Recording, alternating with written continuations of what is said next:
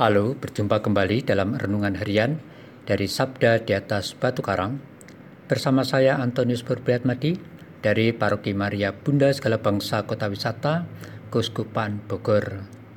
Saudara-saudari yang terkasih, hari ini Rabu tanggal 2 Februari adalah hari biasa pekan keempat. Hari ini gereja merayakan pesta Yesus dipersembahkan di Kenisa dan juga memperingati Beata Eugenia Desmet, seorang perawan, Santa Johanna Lestonak, seorang janda, dan Beato Theophanus Wenat, seorang martir. Tema renungan kita hari ini, Persembahkan Anakmu, yang terinspirasi dari bacaan kitab suci hari ini.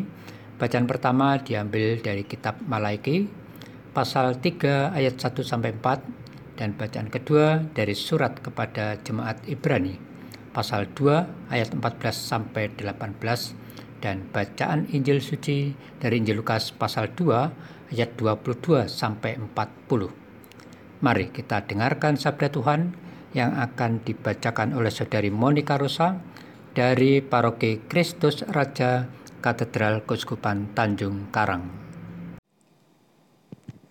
Ketika genap waktu pentahiran menurut hukum Taurat Musa, Maria dan Yusuf membawa anak Yesus ke Yerusalem untuk menyerahkannya kepada Tuhan, seperti ada tertulis dalam hukum Tuhan. Semua anak laki-laki sulung harus dikuduskan bagi Allah. Juga mereka datang untuk mempersembahkan kurban menurut apa yang difirmankan dalam hukum Tuhan yaitu sepasang burung tekukur atau dua ekor anak burung merpati. Waktu itu adalah di Yerusalem seorang bernama Simeon.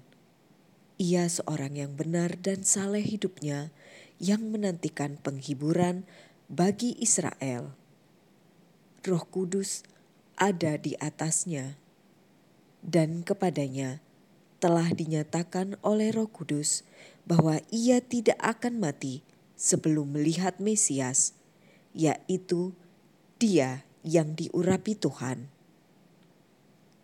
Atas dorongan Roh Kudus, Simeon datang ke Bait Allah. Ketika anak Yesus dibawa masuk oleh orang tuanya untuk melakukan kepadanya apa yang ditentukan hukum Taurat, Simeon menyambut anak itu dan menatangnya sambil memuji Allah. Katanya, Sekarang Tuhan, biarkanlah hambamu ini pergi dalam damai sejahtera sesuai dengan firmanmu. Sebab mataku telah melihat keselamatan yang daripadamu yang telah engkau kerjakan di hadapan segala bangsa yaitu terang yang menjadi pernyataan bagi bangsa-bangsa lain dan menjadi kemuliaan bagi umatmu Israel. Yusuf dan Maria amat heran akan segala sesuatu yang dikatakan tentang anak Yesus. Lalu Simeon memberkati mereka dan berkata kepada Maria, ibu anak itu, Sesungguhnya anak ini ditentukan untuk menjatuhkan atau membangkitkan banyak orang di Israel dan untuk menjadi suatu tanda yang menimbulkan perbantahan dan suatu pedang akan menembus jiwamu sendiri supaya menjadi nyata pikiran hati banyak orang. Ada juga di situ seorang nabi perempuan, anak Fanuel dari suku Asyer. Namanya Hana. Ia sudah sangat lanjut umurnya. Sesudah menikah, ia hidup tujuh tahun bersama suaminya dan sekarang ia sudah janda, berumur 84 tahun. Ia tidak pernah meninggalkan bait Allah dan siang malam beribadah dengan berpuasa dan berdoa. Pada saat anak Yesus dipersembahkan di bait Allah, Hana pun datang ke bait Allah dan bersyukur kepada Allah serta berbicara tentang anak Yesus kepada semua orang yang menantikan kelepasan untuk Yerusalem. Setelah menyelesaikan semua yang dilakukan menurut hukum Tuhan, kembalilah Maria dan Yusuf serta anak Yesus ke kota kediamannya, yaitu Nazaret di Galilea. Anak itu bertambah besar dan menjadi kuat, penuh hikmat dan kasih karunia Allah ada padanya. Demikianlah sabda Tuhan. Terpujilah Kristus. Saudara-saudari yang terkasih, dalam masyarakat di negeri kita ada berbagai macam acara selamatan satu di antaranya adalah ritual atau selamatan yang dilakukan untuk mendoakan bayi yang sudah menginjak umur tertentu, misalnya 35 hari atau 40 hari. Tentu saja acara selamatan atau doa itu adalah untuk pertanda bagi kita atas pengharapan kita akan hidup masa depan anak. Semoga si anak mengalami proses pertumbuhan atau perkembangan baik jasmani maupun rohaninya dengan sehat dan masa depannya bahagia dan sejahtera. Saudara-saudari yang terkasih, hari ini gereja merayakan pesta Yesus dipersembahkan di Kenisah.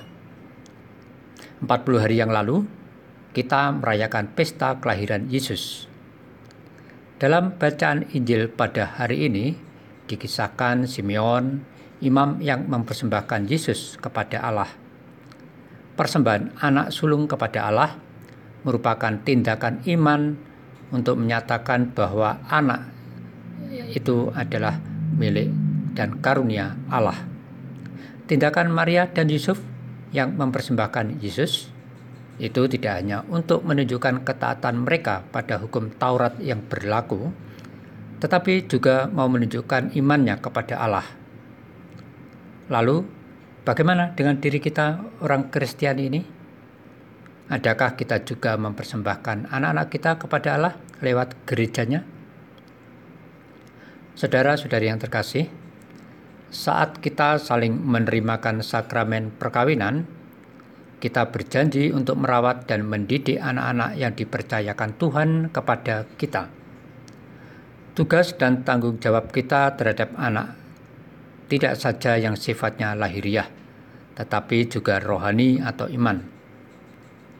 Sebagai orang beriman, mari kita selalu mempersembahkan anak-anak kita, meski mereka telah mandiri atau berkeluarga masing-masing.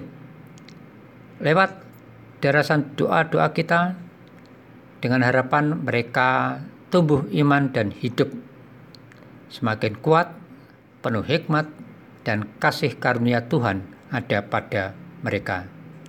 Dan semoga di antara anak-anak kita ada yang kita persembahkan kepada Tuhan untuk menanggapi panggilan imamat, biarawan, atau biarawati. Ya Yesus, berkatilah anak-anak yang kau percayakan kepada kami. Amin.